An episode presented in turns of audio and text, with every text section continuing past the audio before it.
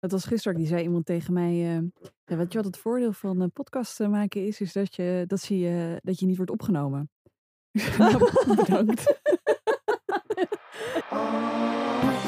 Je luistert naar de podcast van het MWG. Een podcast over podcasten.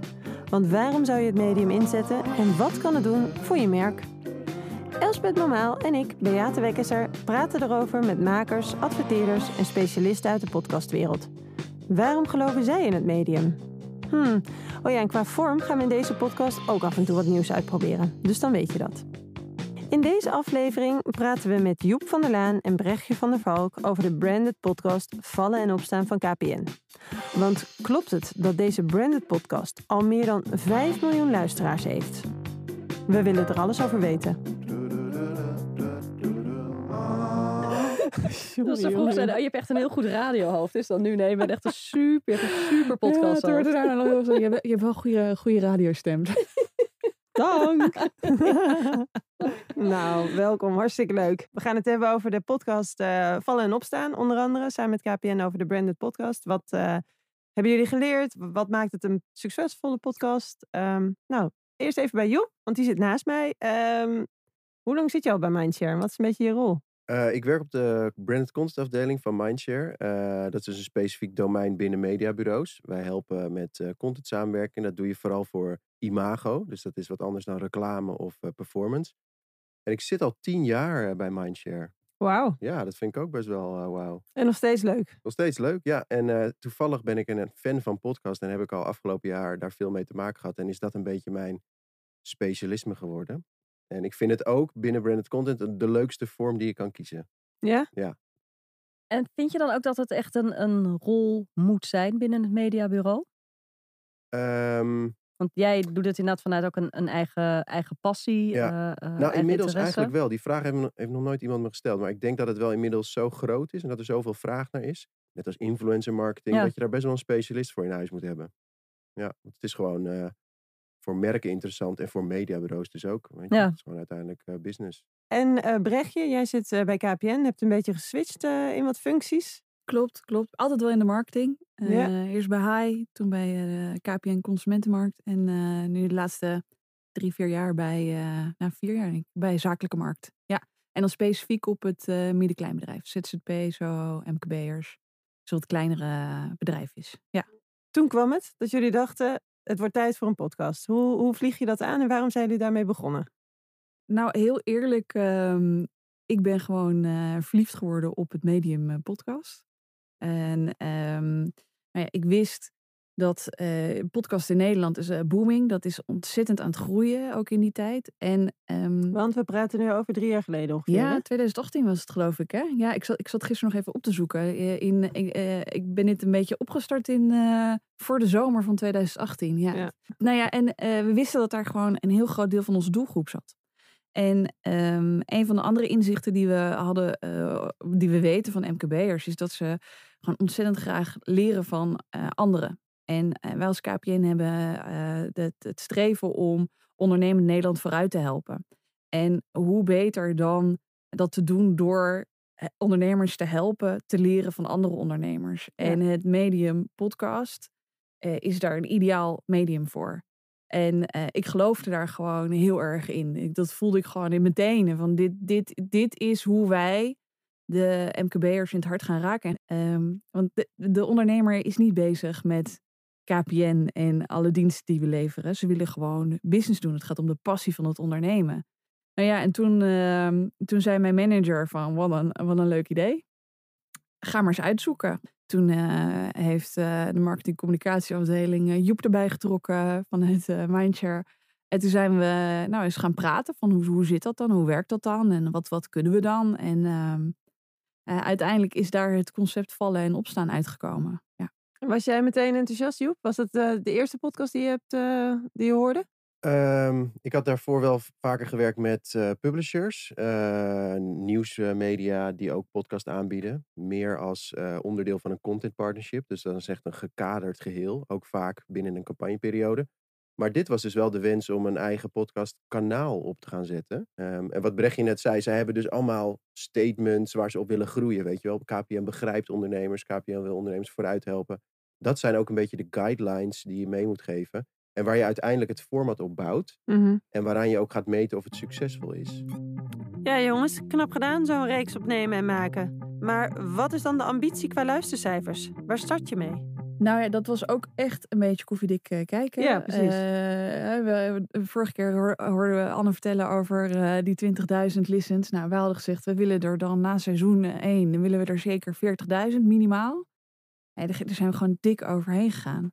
En eh, dat was natuurlijk fantastisch. Alleen ja, eh, de, de scepties eh, in, eh, in het bedrijf is natuurlijk wel van, ja, maar wat levert het dan op? Ja, Ja. precies. Ze willen altijd meteen resultaat meten. Ja, nog- dat wil ik ook natuurlijk. Hè. Ja. Ik wil ook weten van, Ja. werkt het? Ik kan er heel erg in geloven. Ehm, maar ja, werkt het ook echt? En eh, nou ja, dat, dat zijn we toen gaan uitzoeken. Hoe gaan we dat doen? Toen ben ik ook met Joep gaan kletsen van, hoe kunnen we nou gaan aantonen dat dit daadwerkelijk bijdraagt? En dat, ja, want hoe bewijs je dat? precies. Dat is precies de vraag waar we met elkaar over zijn gaan, eh, gaan praten. Kijk, we weten natuurlijk vanuit eh, andere grote campagnes die we draaien, hebben we altijd onderzoeken lopen op wat het doet op je merk, op je Ja. overweging, op je koopintentie. En eh, eigenlijk wil je dat ook aantonen voor eh, deze podcast. En uiteindelijk hebben we dat met een spotje gedaan. Een spotje die heeft- is opgenomen door Anne van Dag en Nacht. Waarin hij zijn luisteraars opriep. Eh, wil je meedoen aan een onderzoek? We willen het effect van onze podcast onderzoeken. En je kunt een koptelefoon winnen. En er waren acht of 900 mensen die letterlijk vanuit het spotje, vanuit de koptelefoon, naar een website gingen, een URL intypten en een heel onderzoek invulden. Ha, beste luisteraar, Anne Janssens van Dag en Nacht Media hier met een verzoekje. We zijn namelijk benieuwd hoe jullie naar onze podcast en advertenties luisteren en wat jullie daarvan vinden. Dus we hebben samen met mediabureau Mindshare een korte vragenlijst gemaakt. Zou jullie deze ons willen invullen? Hij staat op www.dagnacht.nl slash onderzoek.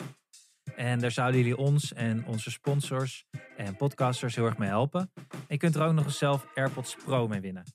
Want op dat moment had je niet waarschijnlijk exact die 40.000 luisteraars. Dus dat is een.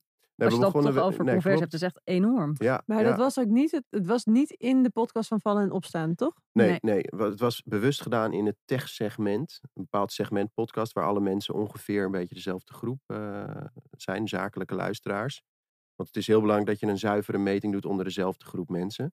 En we hadden de podcast daar ook al aangejaagd met een trailer. Dus mensen waren een klein beetje al eh, zich ervan bewust. Maar in die vragenlijst krijg je dan op een gegeven moment, ben je bekend met de podcast of niet? Nou, dan val je dus in een bakje exposed of non-exposed. En uiteindelijk zagen we echt dat die groep die de podcast kende, eh, de merkkoppeling was mega hoog. Echt 87% Dat zie je normaal niet eens bij een tv-campagne van eh, Nee. de Mediamarkt of zo, weet je wel. Eh, dus laat staan bij een branded podcast waar het merk niet eens expliciet aanwezig is. En vervolgens de imago-statements waar we op uitvroegen. Weet je wel, KPN begrijpt ondernemers. Vind je ook dat KPN dit, dat, dat? Significant eh, verschillen. Het is nog niet zo dat er heel veel merken op deze manier met podcast bezig zijn. En die zitten dan ook niet allemaal bij ons bureau. Eh, maar je merkt wel dat wij ja, die learnings enorm goed kunnen gebruiken. Niet alleen binnen KPN als munitie om verder te gaan. Maar dag en nacht vindt het ook heel prettig. Ja. Je kan laten zien, hey, wij maken iets wat daadwerkelijk bijdraagt aan eh, imagoverandering van je merk. Oké, dus effectonderzoek heeft geholpen om meer draagvlak te krijgen binnen de organisatie. Maar de keuze voor een publisher, hoe is dat bij Vallen en Opstaan gegaan? Ik had ook heel duidelijk voor ogen, eh, ik wil niet eh, de niche ingaan. Ik wil iets neerzetten wat eh, voor heel Nederland is. Want ik wil ook die ZZP'ers gebruiken en dat bereiken. En dat zijn ook ehm, gewoon de consumenten. Het moet eh, breed verspreid worden. Het moet los aan te jagen zijn. Ik moet de vrijheid hebben om dit heel groot te kunnen maken. En het heeft ook voordelen hè, om echt met een Mhm. publisher, met een eigen media-omgeving in zee te gaan. Maar dan ben je vaak toch ook wel restricted eh, tot de, de middelen die zij bieden. Eh, en nu hadden we dat niet. En behalve middelen, je koppelt je natuurlijk ook heel duidelijk aan een merk. En Ja. dat is dus absoluut een voordeel, dat je koppelt aan een sterk merk. En tegelijkertijd is dat je beperking als je eigenlijk je eigen merk wil bouwen. En ja, in ieder geval, dat is een beetje wel Mhm. mijn gevoel wat ik erbij heb. Dat eh, jullie hier nu wel echt een eigen merk hebben neergezet. Ja, en kijk, en we, we, we hebben ook wel dit soort samenwerkingen, hè? maar dan hebben we andere doelstellingen, andere verhalen Ja. en andere boodschappen te vertellen die daar beter bij passen. Eh, maar voor dit specifieke idee was het echt, eh, ehm, ja, we moeten vrij zijn om iedereen met een ondernemend hart eh, te kunnen raken. Goed idee, Brechtje, maar zo'n eerste jaar zit je niet in de slappe was. Dus hoe zorg je dat je al die ondernemers naar je podcast krijgt? Ja, toen was het geld op, hè? Toen Ja, was precies. eh, dat, dat potje was op. Toen gingen we gewoon allemaal heel veel social heel- media inzetten zelf. Heel creatief Ja. gedaan, ja. Nou, je moet wel inderdaad goed nadenken over bij een podcast. Ehm, het is veel meer dan audio alleen. Dus je bouwt echt een soort een identiteit van een show. En dat zit dus in een heleboel dingen. Dat is illustraties, logo, sounddesign. Dat alles zorgt ervoor dat mensen op een gegeven moment de show herkennen. En als je een campagne gaat voeren, wat super belangrijk is. Hè, mensen, het gaat niet zomaar viral. eh, wat, wat soms nog eens gedacht wordt of gedroomd wordt is dat je in die communicatie ook, eh, je moet iets moois laten zien. Alleen een audiobestandje eh, ergens neerzetten werkt niet. Dus je moet inderdaad nadenken over hoe wil ik dat eh, het logo eruit ziet. Gaan we een illustrator in dienst nemen? Wat voor soort muziek moet eronder?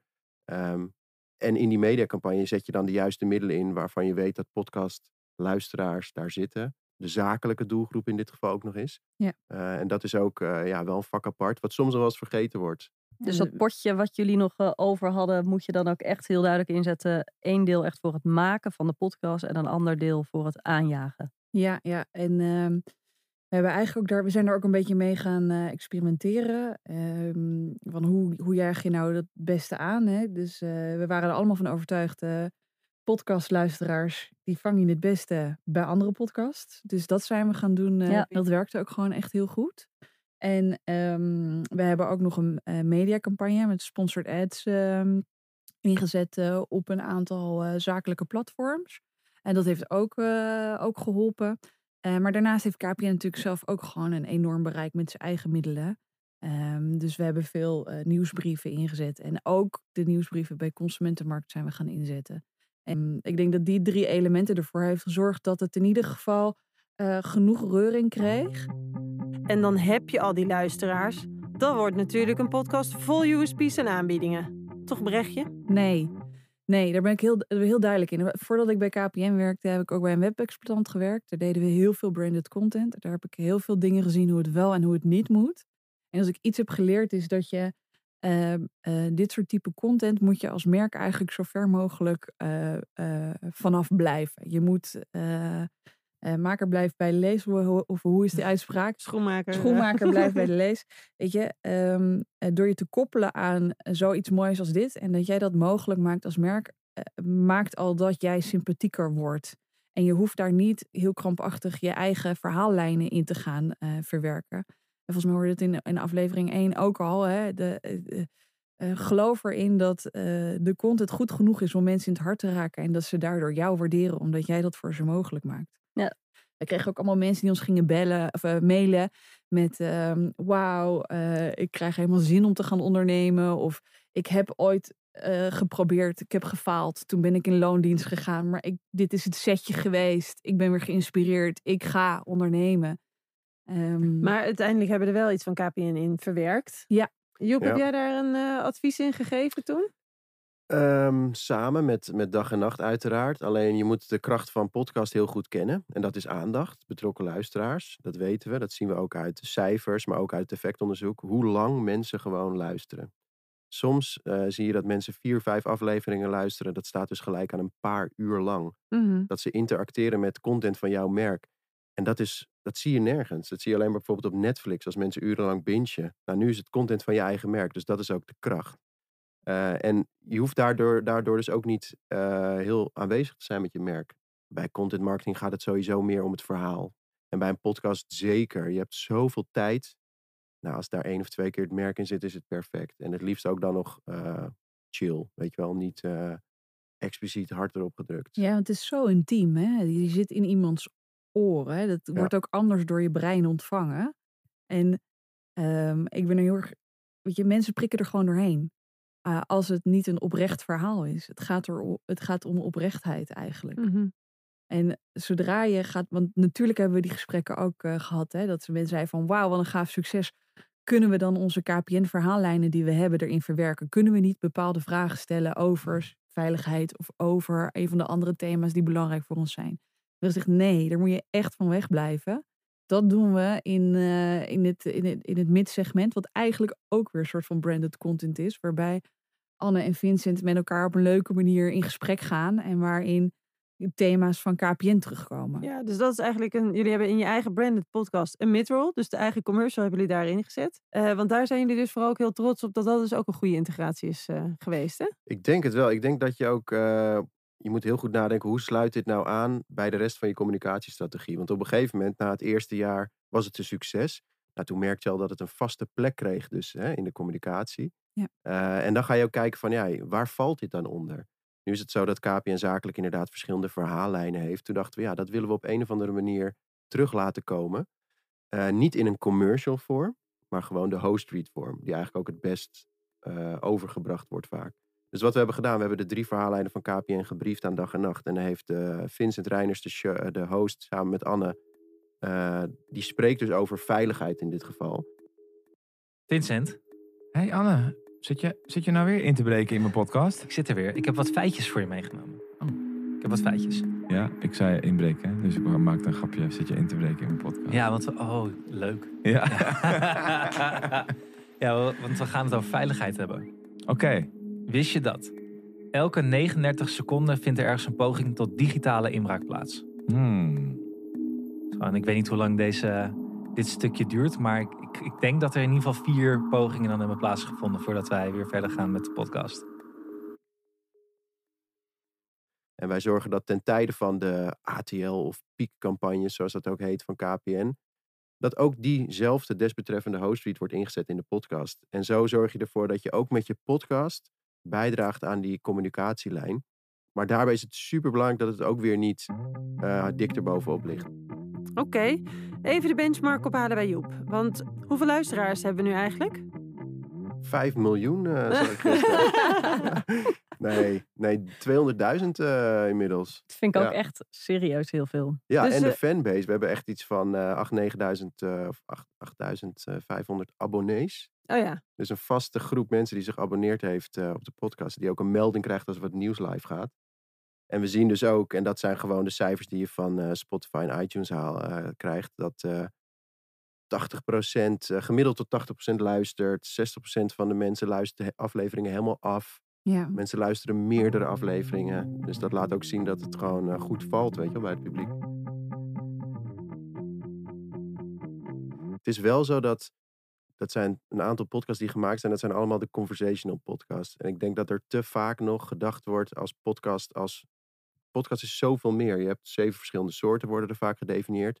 Ik vind zelf ook, dat heb ik ook eh, in de vorige aflevering Anne horen zeggen, die conversational of de storytelling eh, Ja. variant, dat is wat mij ook echt het meest aanspreekt. Wat ik prachtig vind. En ik denk dat maar wacht merken- even, want je zegt net zeven. Aangezien jij de, de, de- je weet dat dus welke dat allemaal kunnen zijn. Eh, Kort even. Ja, toelichten? ehm, dat is een hele goede vraag dat je dit stelt. Je hebt de conversational inderdaad, je hebt paneldiscussie, je hebt ehm, fictief verhalend, je hebt non-fictie, je hebt bijvoorbeeld ook repurpose podcast. Dat zie je dat er nu vaak gebeurt bij comics. Hè? Die worden vertaald in een podcast of sprookjes. Ja. Dan eh, herverpak je het.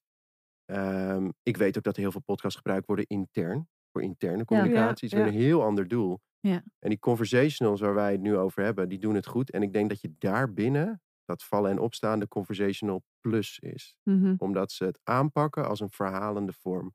Ze voegen sound design toe met Studio Cloak. Waardoor je ook echt een andere ervaring hebt dan de standaard praatpodcast. Mhm. En eh, achteraf editen, voice-overs van de host. Er wordt echt nagedacht over hoe brengen we dit nou op zo'n prettig mogelijke manier bij de luisteraar. En ik denk dat dat ook bij een hoop standaard podcast nog ontbreekt. Omdat er veel meer uit te halen valt. Maar ik hoor ook meteen dat het wel kostbaar is. Nee hoor. Nee, kijk, eh, je moet je voorstellen dat als je een rondje out of home doet, dat je grote merken weten dat, dan betaal je gewoon een aantal paar ton. Mhm. En dan ben je na twee weken weg. Kijk, en als jij een ton of twee ton in een podcast stopt, dan ben je over vijf jaar, als je een eh, tijdloos format neerzet, wat vallen en opstaan wel is, dan wordt er over vijf jaar, of over zes jaar, of zeven jaar nog geluisterd. En dan heb je een eigen fanbase. Eh, en dat doet zoveel meer impact dan bijvoorbeeld een spotje op tv, wat mensen vergeten op een gegeven moment dat. Dus als je een goed verhaal te vertellen hebt en een eh, mooie merkwaarde die we overbrengen, kan je beter podcast doen dan eh, sommige andere middelen. Kijk, positieve verhalen. Dus gaan we door naar een nieuw seizoen? Volgens mij is de intentie er eh, volledig om, eh, om door te blijven, blijven gaan. En eh, ieder jaar wordt dat weer opnieuw eh, bekeken. Ja. Past het nog in je strategie? eh, wat wil je gaan doen? Maar eh, vooralsnog... En, eh, en innoveren. Hè? We ja, hebben precies. Elk, eh, Ja. Alles verandert elk seizoen. Dus ook eh, de muziek, maar de gasten. Gasten melden zich nu zelf aan omdat ze het format kennen wat mooi is. En we hebben dus ook video toegevoegd dit seizoen. Dus dan zie je ook dat je die groep, eh, ja, eigenlijk YouTube-luisteraars, een beetje ook mee gaat pakken. En Tegenwoordig zetten ze gewoon eh, hele playlists aan eh, op YouTube. En daar luisteren ze alleen maar naar. Ja. En dan in Amerika zie je dat dat al heel groot is. Ook in de podcastwereld. Ja. Ja. zou dat een goede trend zijn? Het is de next best inderdaad. Je hebt zelfs Pot TV, die, die zenden dus alleen maar videopodcasten uit de hele dag. En dat is gewoon alleen maar kijken naar pratende mensen? Volgens mij in Nederland zijn de mensen echt grootste kijken. ook eh videopodcasts. Weet je, rookworst, supergaande. Dit is echt niet normaal hoeveel mensen daar naar kijken elke, elke maand. Sorry, naar wat? Rookworst. en wat zie je daar dan? Nou, daar zie je eh, gasten en met elkaar praten eh, over rap en hip-hop. En eh, die gaan echt eh 700.000 eh, views per aflevering. Maar dan ben ik inderdaad wel heel benieuwd of mensen inderdaad echt kijken, wat jij inderdaad zei, Brechtje. Of dat, ze, of dat het als achtergrond en of het inderdaad überhaupt op welke drager het dan wordt. Ja, het is wel onderdeel van een platform. Dus ze hebben inderdaad ook de podcast gewoon. Die wordt ook goed beluisterd, maar die video's die doen het goed. Joe Rogan is natuurlijk een schoolvoorbeeld. Ja, ja, dat is waar. Die Ja. kan je ook gewoon in de Spotify-app nu live kijken. Ja. Oh ja, ja, Ja. kan je nu de video en dat bij Spotify? Ja, Of- omdat ze dan een soort eh, deal hebben Ja. met hem. Hè? Ja. ja, ja, dat is wel weer waar, ja. 100 miljoen volgens mij. Zoveel heeft hij verdiend? Nou, moeten wij nog even voor werken, jongens. ja, ja, dat was hem weer. We zijn weer wat wijzer geworden op het gebied van de Branded Podcast. Volgende aflevering onderzoeken we het effect van de podcast op traditionele radiozenders. Oh, en Brechtje, eh, je zat te stralen hoor, dus toch een goede radiostem. Tot de volgende.